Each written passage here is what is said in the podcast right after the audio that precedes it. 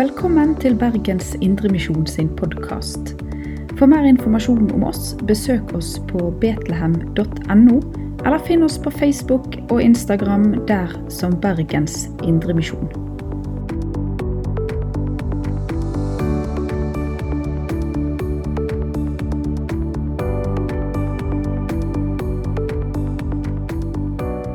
La oss be. Ja, vi ber deg, gode Hellige Ånd, at du skal være her midt iblant oss og gjøre Jesus stor for oss og holde våre hjerter i brann og levende for evangeliets sak midt i vår verden. Amen. Ja, det ble sagt her at, uh, av Atle at uh, jeg kan ha på meg mange hatter. I dag er det vel da en keeper jeg burde hatt på meg, sannsynligvis. Men jeg har så dårlig feste her oppe, så, så den, ligger, den, den, ligger, hjemme. da. Jeg har en keeper, men uh, den passer best på veggen. sånn er det. det. Vi har en fantastisk historie i dag som vi skal lese sammen fra, fra Det nye testamentet. Og Det er altså fra Johannesevangeliet og det første kapittelet. Og Vi skal lese fra vers 35 og ut, uh, ut kapittelet. Dagen etter sto igjen Johannes der med to av læresveinene sine.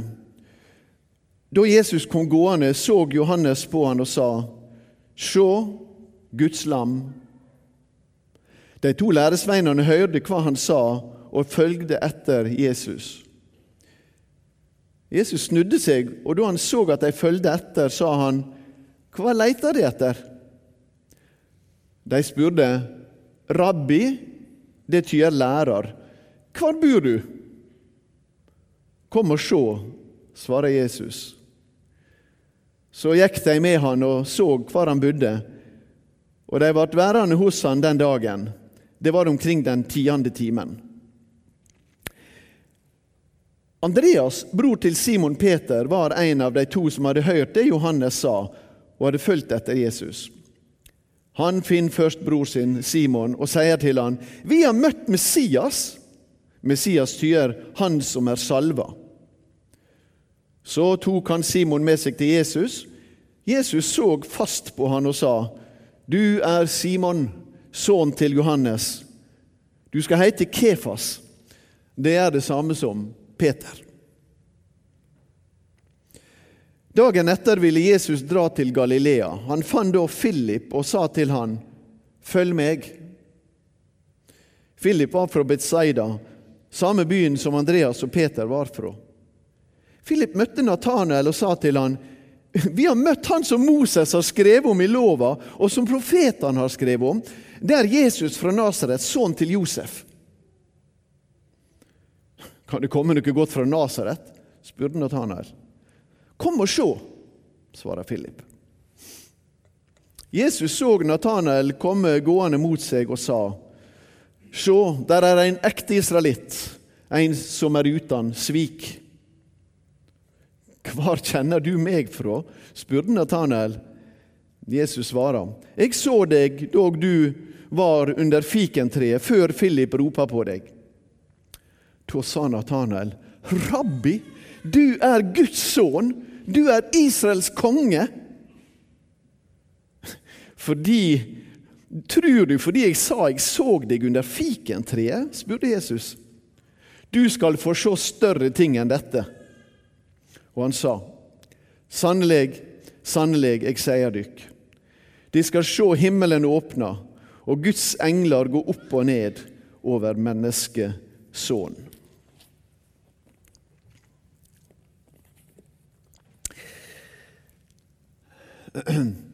Da jeg vokste opp eh, her i Bergen på 1960-tallet, og i Betlehem, i en annen stall hadde jeg nær sagt enn den som står her nå, eh, så, eh, så og var sønn til en indremisjonsleder, så var det slik at jeg og søstera mi vi fikk et barneblad i heimen. Det heter Blåveisen. Det var gitt ut av Misjonssambandet.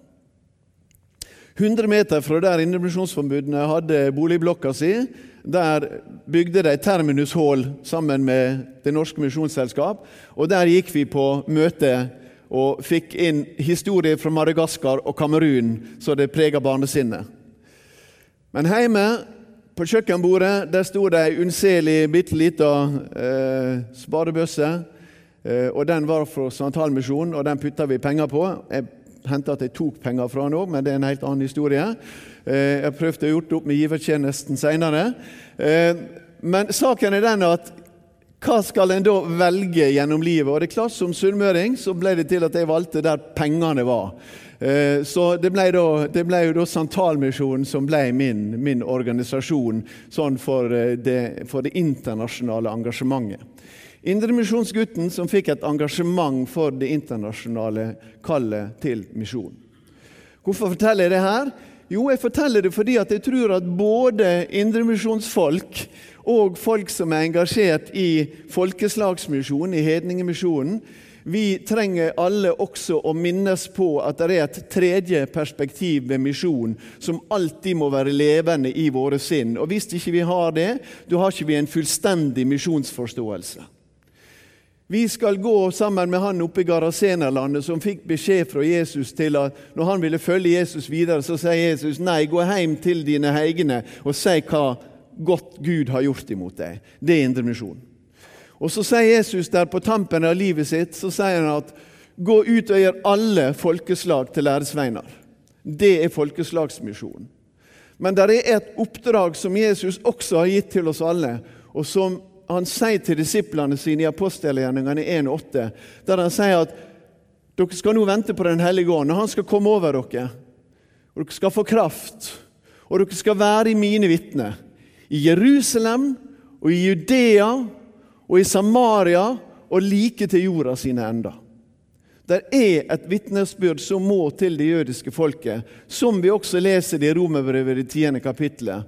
Ehm, dette kapittelet som jo sier noe om at det kan ikke oppstå tru hvis det ikke noen blir sendt ehm, for å forkynne evangeliet. Og sammenhengen det er satt i, det gjør at det handler spesielt om gjørende, faktisk, selv om det også har en allmenn adresse. Og Da er det fint å få en historie her i dag, en fortelling her i dag, som jo handler om de første jøder som blir plukka ut til dette store oppdraget som Jesus gav dem. Dette oppdraget altså som skulle begynne i Jerusalem, men som skulle ha et siktemål langt langt utover til de mange folkeslagene. Dette oppdraget som vi også kan si i overført betydning skulle begynne på heimebane, men som også skulle utover. Vi får ikke med oss alt på den måten, fordi at det er en spesifikk adresse for evangeliet til det jødiske folket. Her er tre ord i denne fortellinga eh, som kom igjen to ganger, og som jeg tenker det, det har vært utgangspunktet for min tanke eh, om forkynnelsen, for forkynnelsen her i dag. Eh, og Det handler jo om en av disse tre organisasjonene som jeg begynte med. og Mine to eldste søsken de hadde et barneblad som heter Kom og se. Det hadde ikke vi lenger, men eh, vi las jo det andre plasser. Gode kristne folk hadde tilgang på alt sånt. Og Kom og se det var altså Misjonsselskapet sitt barneblad. Og her stod jo, altså, og det var jo noe som bare var henta ut fra denne fortellinga. For her hører vi først at Jesus sier 'Kom og se'. Og Så blir det et lite gap, og så stiger Philip fram, og så sier han 'Kom og se'. Og Kanskje oppsummerer det på veldig mange måter noe av det viktigste som vi har å tenke på i all misjon. Ja, misjon har en proklamasjon i seg. Misjon har en utfordring i seg. Men jeg tror det meste av misjon, og jeg tror det meste av vår vitnetjeneste i vår hverdag, den må starte en annen plass enn i proklamasjon, men den må starte i invitasjon. Den må starte i invitasjon, i det åpne som kan skape nysgjerrighet. Kom og se. Det var Jesus som sa det først. Og ja, Du vet, Det er noe som heter icebreaker, det er, og det handler om hvordan skal vi komme i gang i en samtale. Og Det var kanskje det Andreas og kameraten tenkte på etter de hadde tatt hintet fra døperen Johannes når han sier 'se Guds lam'. Så tok de kanskje hintet da at han mente at nå kunne de bare forlate han og begynne å følge han. Men hvordan introduserer du deg da? Og så spør jeg deg det som Ivar Aasen. Da spurte jeg ratt hvor de var ifra. Hver gang han fremmedfolk fikk se. Og Sånn var det litt med disse karene her òg. De spurte eh, hvor, bor du? Og det var på en måte De kunne få vite adressa hos Johannes, så de hadde ikke trengt å spørre sånn. Men en plass må det begynne, ikke sant? Hvor bor du? Hvor holder du til? Og så begynner livet sammen med Jesus. Med disse invitasjonsordene fra Jesus. Kom og se. Og når det gjelder Jesus, så er det så veldig mye å se. Vi blir jo aldri ferdig med bildet av Jesus, ikke sant? Rikdommen i bildet av Jesus er så stort, så en plass må vi begynne. Og hvor disse folka begynte, det veit jeg ikke helt. Kanskje begynte de egentlig med læreren. Fordi at Det første ordet de bruker om han etter de har møtt han, det er når de skal, present, når de skal gå bort til han, da, det er at de sier 'rabbi'. Det var på en måte det ordet de kunne. De hadde vært der sammen med Johannes, og nå kan vi lure på om Johannes var en rabbi eller om han var en profet. Han var kanskje mest det siste. Og Samtidig så hadde han det til felles med rabbiene eller rabbinerne i sin tid, at sammen med han så var det en flokk som var under opplæring for Guds rikets sak. Så det var ikke så unaturlig at disse som først hadde hørt at Jesus var Guds lam, nå kommer til ham, og så sier ikke de 'Guds lam, hvor bor du?' Men de sier 'Rabbi, lærer, hvor bor du henne?' Men i neste omgang, da når Andreas møter sin bror Peter, så sier han verken Guds lam eller 'vi har møtt en rabbi', men da sier han 'vi har faktisk møtt Messias'. Her kommer en tredje nemning på, på, Jesus inn på kort tid i denne lille fortellinga vår. Dagen etterpå, når han møtte Philip, så kaller han Philip til å følge seg. og Så går Philip og finner Nathanael. Og hva sier han til Nathanael? Jo, vi har funnet han som Moses og profetene har snakka om. Jesus Josefsen fra Nasaret.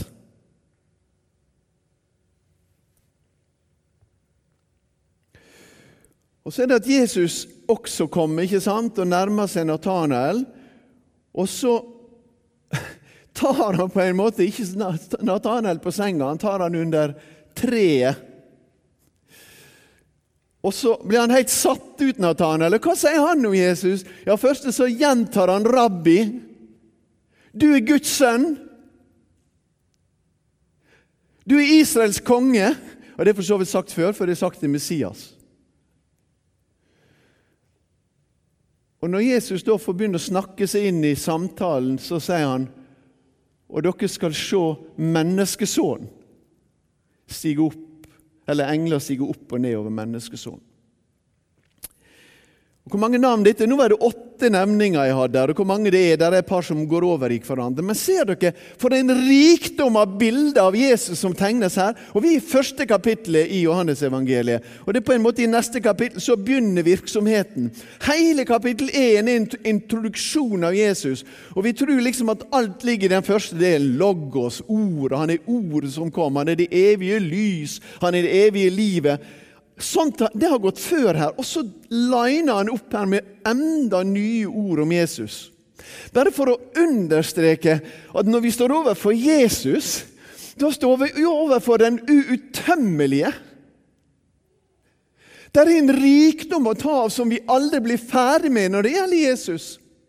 Vi kan bli kjent med Jesus, og vi er glad for at vi blir kjent med Jesus, men vi, aldri, vi kan alltid komme dypere i vandringa vår med Jesus.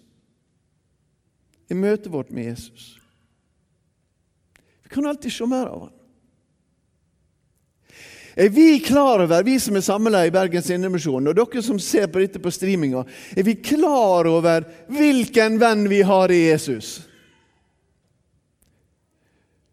Som kan strekke seg over et sånt enormt spekter, helt ifra Jesus Josefsen i Nasaret til menneskesønnen, som vi av og til når vi snakker om det, så forestiller vi oss at liksom han er Guds sønn og han er menneskets sønn. Men menneskesønnen i Det nye testamentet handler ikke om det.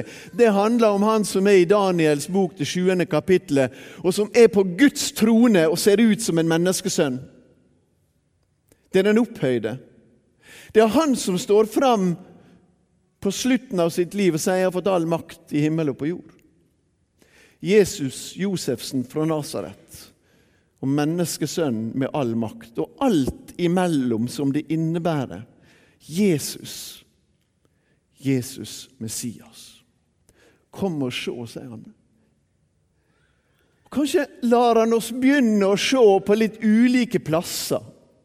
Alt etter hvor vi er i livet våre. Kanskje lar han oss få innblikk i ulike sider ved oss, alt etter hva vi trenger å få fornya i våre liv av vårt syn på Jesus.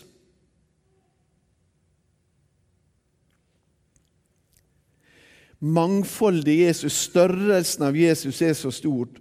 Og vi inviteres inn, du og jeg inviteres inn gjennom Gudsordet på denne søndagen her, til å bli nærmere kjent med Han, til å bli djupere kjent med Han der han er å finne, der vi mottar han i nattverdens brød og vin, som uttrykker noe av mysteriet med hvem Jesus er.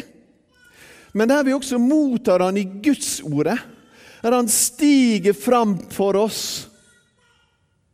Han vandrer fram for oss på dette havet av to permer fra Gudsordet, slik vi møter han i profetiene i Det gamle testamentet, slik vi møter han der han stiger fram i evangelia, slik vi møter han der apostlene vitner om han gjennom de brevene, der de forkynner, der de står over for de de har forkynt hans navn. Vi trenger et djupere og et nytt og et sterkere møte med Jesus. Du trenger det. Jeg trenger det. Hver eneste dag i mitt liv. Trenger jeg å bøye meg for Jesus. Tenk å åpne for Jesus og si 'Jesus, stig inn i mitt liv med den du er. La meg få se noe nytt av deg i dag.' La meg få erfare din nærhet, du som sa 'kom og se', og faktisk mente det på alvor den gangen. Han sier dere 'kom og se' også i dag, og mener det på ramme alvor. At vi skal få et større syn av Han og en djupere tillit til Han. For det er det som er konsekvensen av at vi får et større syn av Jesus. Vi får en djupere tillit til Han. Og en fordypa tro på Han, på at det er Han det er verdt å høre til. Vi kan skrive med den brasilianske fotballspilleren som, som sto på trøya hans under trøya. Når han vrengte den av seg, sto det 'I belong to Jesus'. Jeg tilhører Jesus. Det er han som er verdt å tilhøre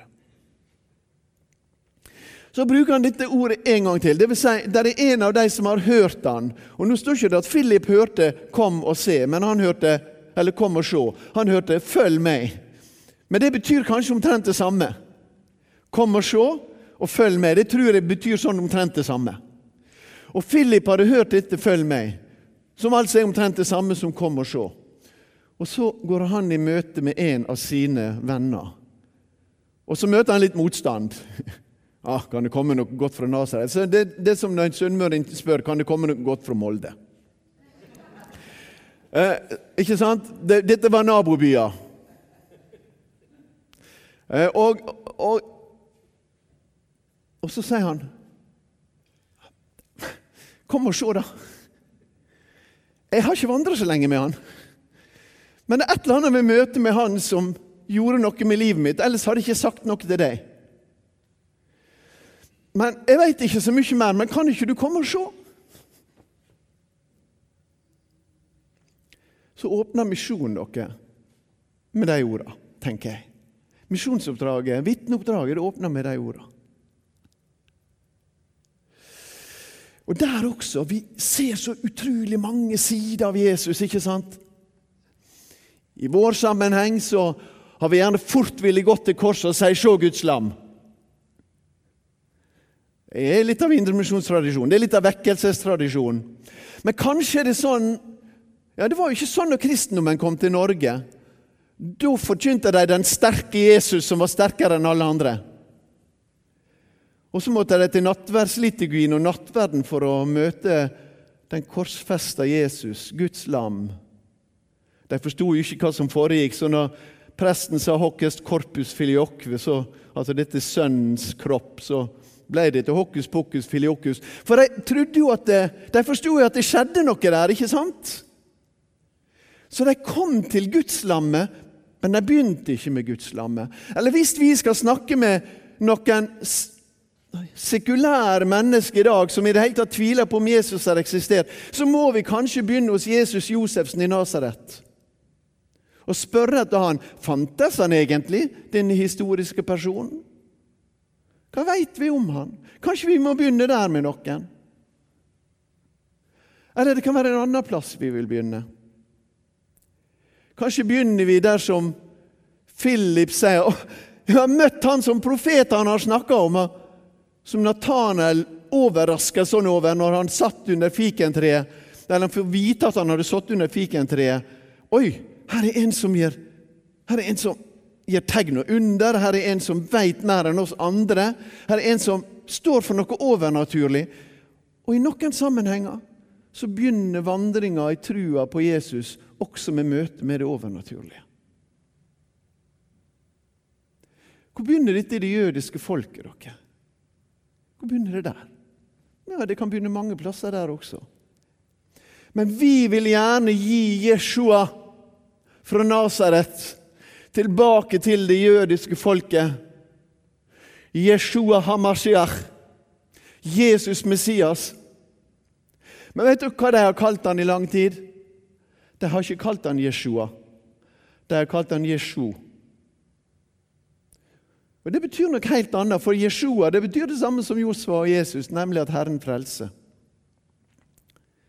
Men Jeshu det mener vi er et akronym for noe. Så altså Det er forbokstaven i hvert ord i ei lita setning. Og den setninga vil på norsk bli 'Må navnet hans bli utsletta'.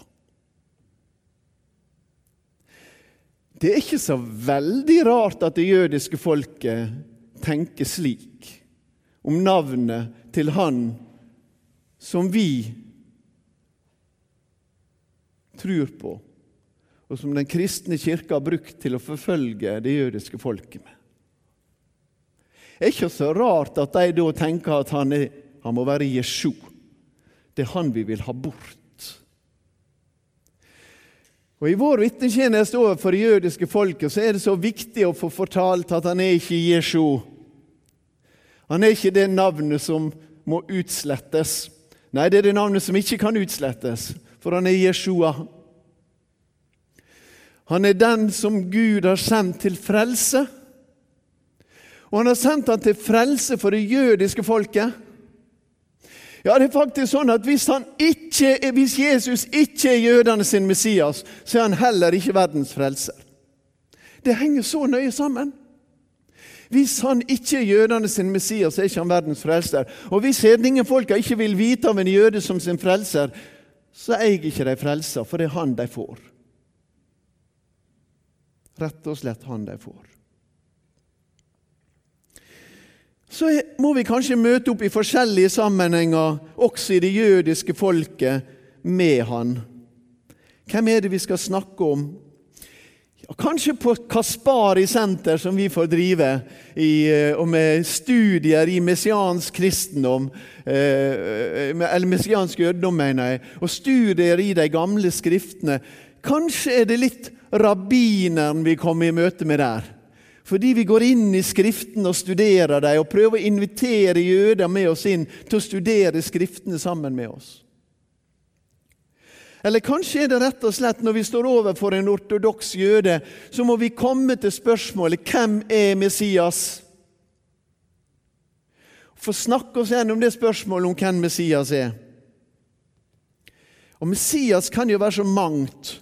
Messias kan være han som vi leser om i tjenersangene, så sier han skal stå fram. Han skal ikke rope på gatene. Han skal ikke knekke et broste siv. Han skal ikke slokke en rykende veike. Og jeg tenker at Det arbeidet vi har gjennom den diakonale messianske stiftelsen Mahasé, det har akkurat det i seg. For det, Som veldig mange vet, er at det er en stor sosial nød blant mange av innvandrergruppene til Israel, og ikke minst mange av kvinnene. Det er mange av kvinnene som er mishandla. Og vi får møte med dem hver eneste uke, og gjennom covid-19-tida har vi fått langt flere møter med dem enn ellers. Og vi deler ut mat, eh, og de får samtaler. De får komme og få pleid sine mentale sår. Er det den Messias som profeten snakker om? Som vi da får vitne om. Han roper ikke på gata. Han bryter ikke av det brostne sivet. Han slokker ikke den rykende veiken. Eller kanskje er det noen i Israel, kanskje er det noen i, blant jødene og i den jødiske omverdenen, og det er en sterkt underdrivelse å si kanskje, men det er noen som trenger den Messias som kom for å slutte fred.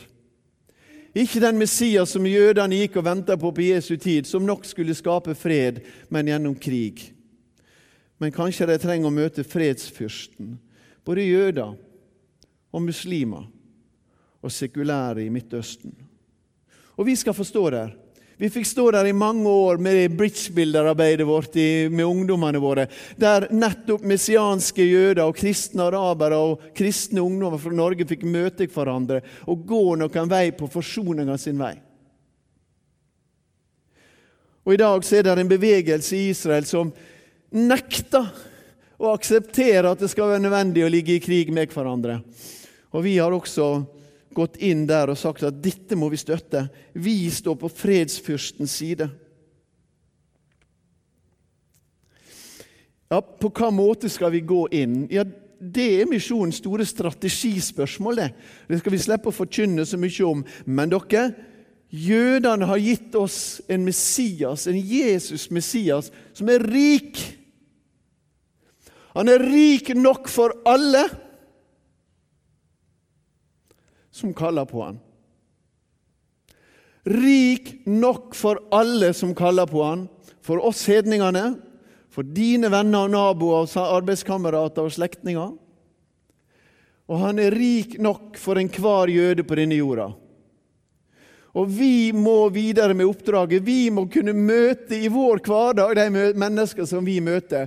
Og vi må møte i Israels misjon sitt oppdrag og i samarbeidet vårt med ikke minst Jews for Jesus, både her i Europa og i Israel, få være med å gi videre dette vitnesbyrdet i Immanuelkirka i Tel Aviv. Og oppe i det rike arbeidet vårt i Haifa, i Bet Eliao, på sykeheimen eller aldersheimen der. Å få være et vitnesbyrd å få åpne opp noen sine sinn og si 'Kom og se'. Se om ikke vi har funnet Han som profetene snakker om. Han som er lova oss, som vi har gått og venta på. Så har vi vært blinde hele tida. Vi har nekta å se. Men nå er det mange jøder som tror på Jesus, og som begynner å gå blant sine egne for å gjøre han kjent. Dette arbeidet skal vi få være med i. Arbeidet som altså til slutt knytter seg til Han, som himmelen åpner seg over. Og Det er veldig interessant, dette her, fordi at både når han sier du er en ekte israelitt, eh, som det ikke er svik i, han sier dette når han sier dette her om at dere skal se himmelen åpne og Guds engler gå opp og ned over menneskesånden, så spiller han jo på Jakob. ikke sant? Jakob og Jakobsdrømmen og Jakob svikeren. Jakob som fikk navnet Israel. Og så sier Jesus her er en ekte israelitt. Han er det ikke svik i. Han som satt under fikentreet, slik som de skal gjøre i Messias-tida. Så sier på en måte Jesus nå er tida kommet for det ekte. Nå er Messias-tida inne. Og dere skal få se himmelen åpne seg og forstå hvem jeg er. Og få det himmelske overlyset og se at stigen mellom himmel og jord, det er Jesus Messias. Det er menneskesønnen. Det er han som er forbindelsen for jøder og for hedninger. Og må vi være tru i kallet med å gi hans navn videre. Ikke som Jesjo, det er navnet som må utslettes men som Jeshua Hamasjach. Jesus Messias, verdens frelser. Amen. Du har lytta til Bergens Indremisjon sin podkast. For mer informasjon om oss, besøk oss på betlehem.no, eller finn oss på Facebook og Instagram der som Bergens Indremisjon.